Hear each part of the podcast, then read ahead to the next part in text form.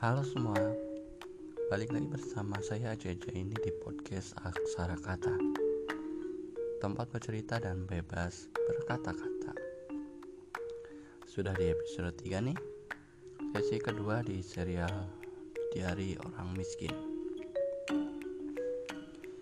Meski saya miskin tapi masa kecil saya masih bisa merasakan sekolah di taman kanak-kanak. Keinginan saya untuk sekolah cukup besar kala itu Niat awalnya saya mau dimasukkan langsung ke sekolah dasar. Namun, karena ketika itu saya sudah uh, pertimbangannya karena ketika itu saya sudah lancar membaca. Namun sayang sekali ketentuan aturan saat itu adalah masuk SD mesti usia 7 atau paling tidak kurang sedikit dari 7 tahun. Sedang saya ketika mendaftar belum genap 6 tahun. Maka singkat cerita saya akhirnya masuk TK terlebih dahulu saja. Beruntung sekali TK pada zaman saya dulu tak mesti diantar dan ditunggui orang tua. Sehingga kesenjangan sosial tak begitu kental terasa. Bayangkan jika dulu mesti diantar dan ditunggui seperti sekarang. Ibu saya minder jika mesti mengimbangi gaya sosialita ala-ala ibu pengantar anak TK masa kini. Selama di TK mungkin tak banyak momen-momen yang bisa dibahas terkait kemiskinan. Mungkin juga karena usia itu tak begitu paham mengenai kesenjangan yang ada.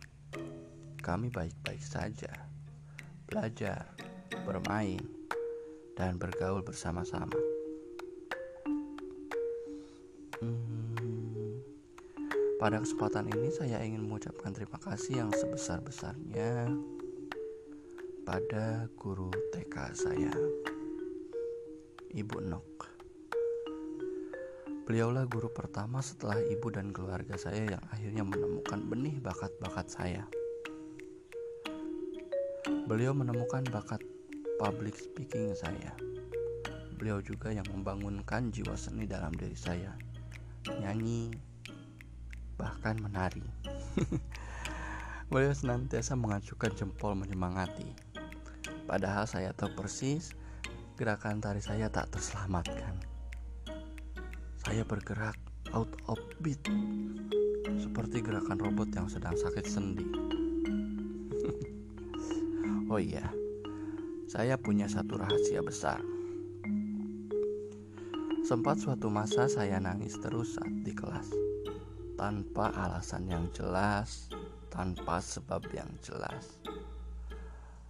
Baru reda biasanya setelah wah kakak dari ibu saya yang kebetulan jadi perangkat desa dan balai desanya berada di sebelah TK dipanggil dan datang ke kelas. Begitu berulang-ulang sampai intensitasnya makin parah.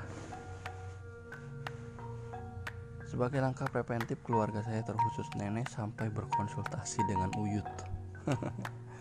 Sosok dukun wanita yang cukup tersohor. Praktek perdukunan memang masih cukup ramai kala itu. Setelah di Terawang, konon kata Uyut saya diganggu oleh setan lapang. Serius itu keliru sama sekali. Mana mungkin setan lapang sepak bola mau ganggu bocah TK yang jaraknya saja dari lapang ke bangunan TK cukup jauh.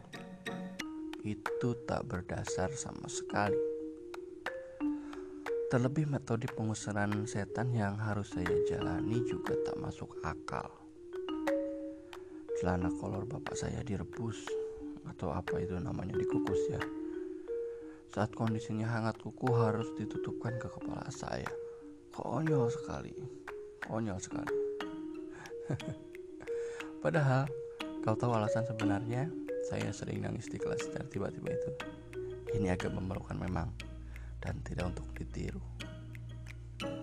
Sebenarnya saat itu saya hanya ingin duduknya di samping ibu guru di depan satu meja bersama beliau kurang ajar memang tapi ternyata cara itu terbukti cukup efektif untuk perlahan menyembuhkan penyakit nangis di kelas itu.